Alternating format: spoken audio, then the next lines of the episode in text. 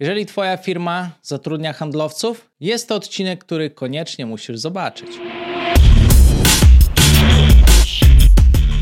Cześć, Dawid Bagiński z tej strony. Witaj w kolejnym odcinku mojego podcastu, na którym regularnie rozmawiamy o skutecznych rozwiązaniach w rozwoju biznesu, marketingu i sprzedaży w firmie.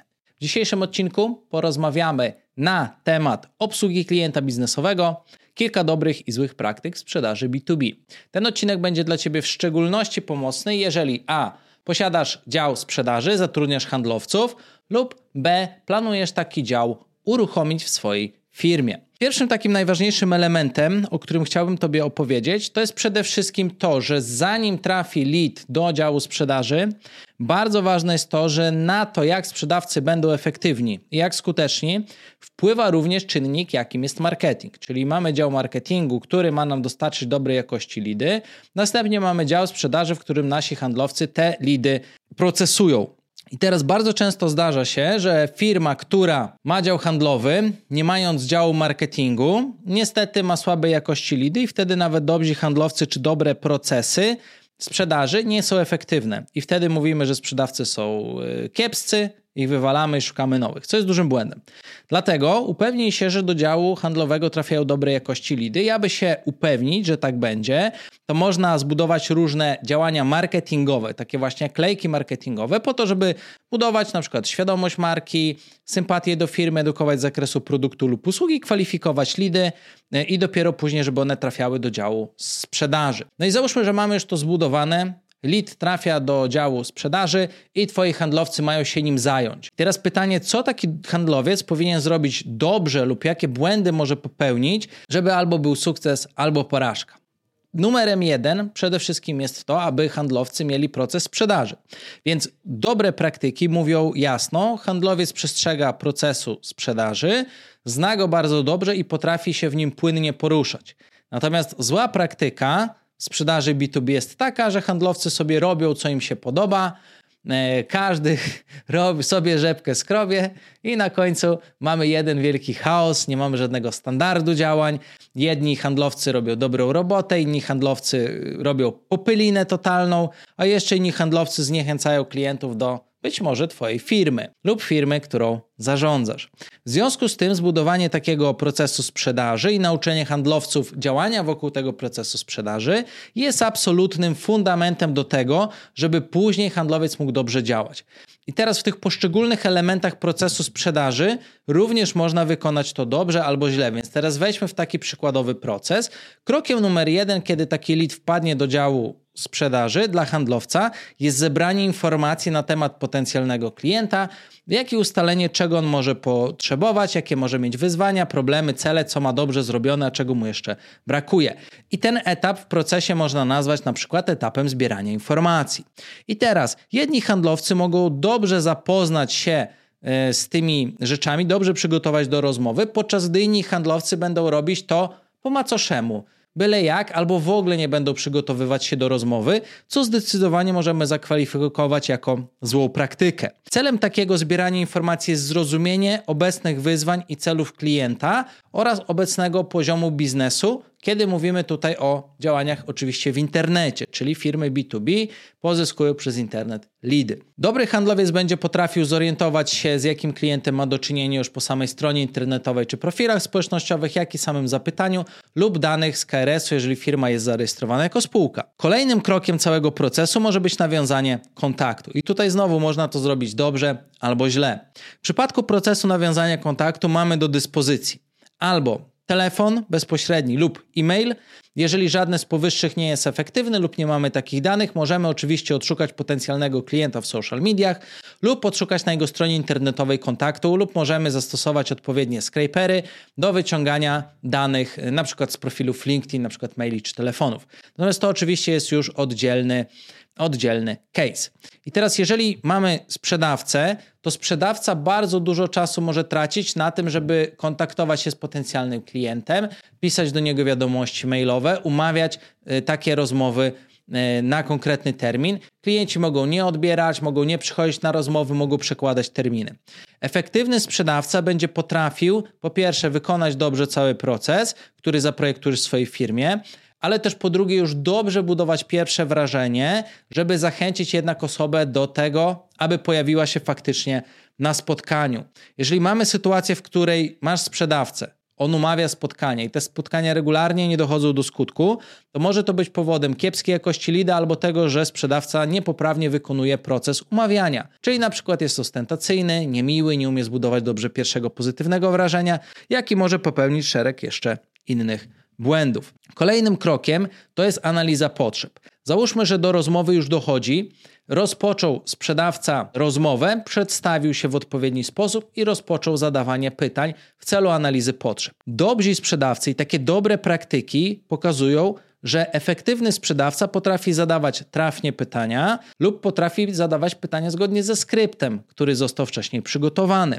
Na podstawie zadanych pytań posiada też umiejętność aktywnego słuchania i ewentualnie notuje lub zapamiętuje realne problemy, potrzeby, wyzwania i sytuacje klienta.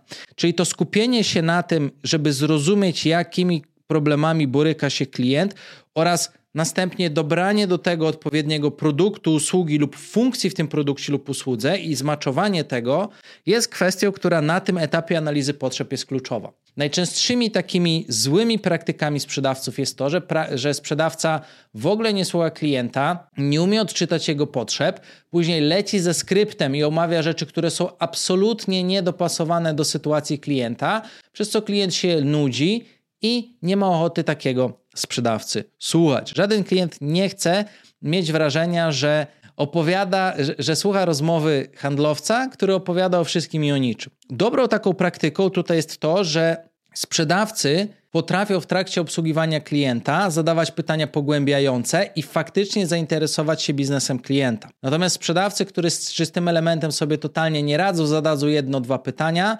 mnóstwo pytań dotyczących analizy potrzeb klienta ominą, bo tak naprawdę w ogóle się tym nie interesują. Nie potrafią też ani tego później zapisać odpowiednio w notatkach, ani nic z tym dalej zrobić. Z analizy potrzeb przechodzimy do przedstawienia oferty. To może być kolejny krok naszego procesu. No i teraz właśnie tutaj taką najważniejszą dobrą praktyką jest to, że sprzedawca na bazie już wcześniej zdiagnozowanych problemów i potrzeb klienta potrafi przedstawić ofertę z wyróżnieniem tych cech, funkcji lub rozwiązań, które my dostarczamy, które są bezpośrednią odpowiedzią na te wyartykułowane przez klienta problemy lub potrzeby.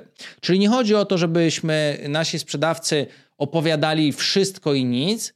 Lepiej, jeżeli nasi sprzedawcy wypunktują te najważniejsze elementy, które są najbardziej jarające dla klienta no, lub takimi największymi pain pointsami, czyli punktami bólu, wtedy nasze przedstawienie oferty będzie dużo bardziej efektywne. I dobry sprzedawca rzeczywiście potrafi to elastycznie zrobić.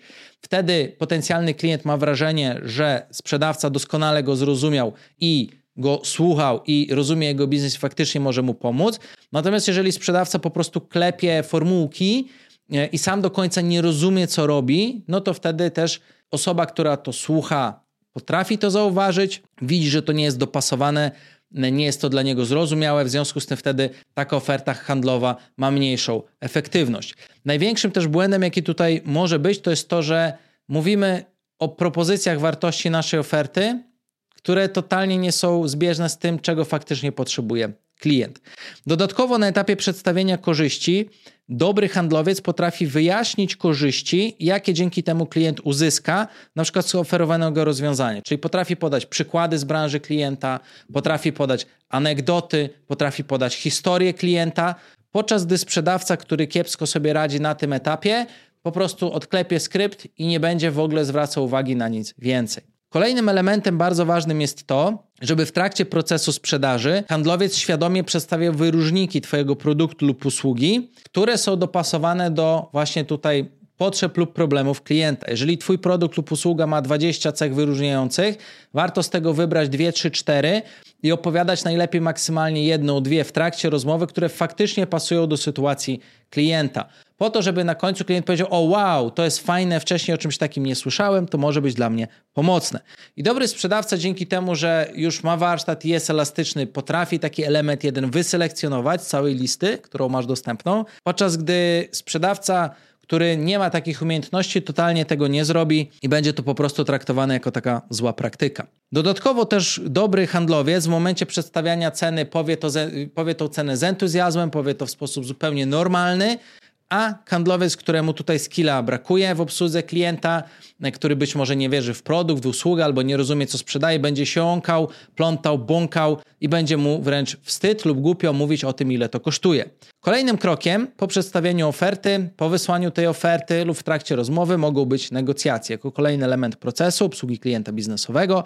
No i tutaj oczywiście dobry handlowiec posiada umiejętności negocjacyjne, czyli umie omówić warunki handlowe, takie jak właśnie cena, ilość, ewentualnie umie ponegocjować terminy płatności lub ewentualne rabaty lub ich brak. Natomiast kiepski handlowiec będzie próbował szukać tutaj pomocy lub po prostu powie formułkę nie możemy. I to jest oczywiście zła praktyka, bo nie jest dopasowana do potrzeb klienta. E, dodatkowo na etapie negocjacji e, kiepski sprzedawca będzie się denerwował, jeżeli klient zadaje trudne pytania i będzie się plątał. Natomiast dobry sprzedawca z uśmiechem elokwentnie odpowie na wszelkie pytania klienta, pokazując też często, że potencjalne wady produktu lub usługi na, tak naprawdę są korzyścią. I tutaj na tym etapie jest to bardzo istotne, żeby właśnie w ten sposób obsługiwać klienta biznesowego. W trakcie oczywiście rozmowy handlowej mogą pojawić się różnego rodzaju pytania. Bardzo ważne jest to, że dobry sprzedawca, który rozumie doskonale produkt, rozumie doskonale branżę klienta i potrzeby klienta, będzie umiał elastycznie, swobodnie odpowiedzieć na pytania klienta. Natomiast sprzedawca, któremu brak warsztatu, jeżeli w skrypcie nie będzie miał pytania i nie nauczy się go na pamięć, no to niestety, kiedy padnie pytanie, usłyszycie takie a, wie, wie pan co, to, to, to, to jest tak bla bla bla bla bla bla bla ebe ebe ebe i nic z tego nie wyniknie. I dosłownie tak by można to podsumować. Więc uważajcie na absolutnie tego typu tematy. Jeżeli zauważacie, że u was handlowcy w ten sposób się zachowują, przygotujcie im skrypty z odpowiedziami. Natomiast jeżeli to nic nie da, sugeruję wymienić po prostu kadrę, część kadry, bo jeżeli nie ma zaangażowania, to nie ma nic. Oczywiście, jeżeli e, dodatkowo klient ma pytania niestandardowe i handlowiec z nimi sobie nie umie poradzić, to umie elokwentnie powiedzieć klientowi, w jaki sposób wróci do niego z odpowiedzią, pójdzie do osoby, która takie informacje ma, pozyska te informacje i przygotuje rzeczywiście dobrą odpowiedź, podczas gdy kiepski handlowiec po prostu powie: Nie mamy, nie robimy i wcale nie będzie podejmował działań ani starań, żeby do tego klienta jakkolwiek wrócić, mu faktycznie pomóc, czy pójść do kogokolwiek innego w organizacji. No i oczywiście ważne są również też tematy związane z zamykaniem rozmowy, jak i działaniami posprzedażowymi. Mówimy tutaj o wszelkiego rodzaju elokwencji w pisaniu wiadomości mailowych, mówimy tutaj o elokwencji w wypełnianiu CRM-a lub o tym, jak pilnujemy formalności związanych na przykład z przekazaniem danego projektu do realizacji. Więc jak widzisz, można w procesie sprzedaży, w obsłudze klienta biznesowego zrobić dużo rzeczy bardzo dobrze, w sposób świadomy, ale też na pewno widzisz, że można wiele rzeczy schrzanić. Mogą to być rzeczy i grube, jak tak zwane grube tematy, ale mogą to być też pewne drobne elementy procesu, które mogą totalnie dyskwalifikować e, w oczach klienta Twoją firmę. Dlatego warto taki proces sprzedaży sobie zaprojektować, zbudować, wdrożyć go, aby cała firma pracowała wokół jednego procesu, a następnie wdrożyć narzędzie CRM, czyli Customer Relationship Management System, do tego, aby móc dbać o to, że każdy ten element procesu będzie przez handlowców wykonywany w sposób odpowiedni, ponieważ takie narzędzia zbierają nam statystyki, w sposób zwizualizowany pokazują, co dobrego lub złego dzieje się w procesie sprzedaży u danego handlowca lub w całym zespole. Jeżeli ten odcinek był dla Ciebie interesujący, daj łapkę w górę zasubskrybuj ten kanał, no i koniecznie zostaw komentarz. Jeżeli masz dodatkowe pytania, dawaj też znać w komentarzu, być może przygotuję o tym kolejne odcinki. Ja tymczasem żegnam się i do zobaczenia w kolejnym odcinku.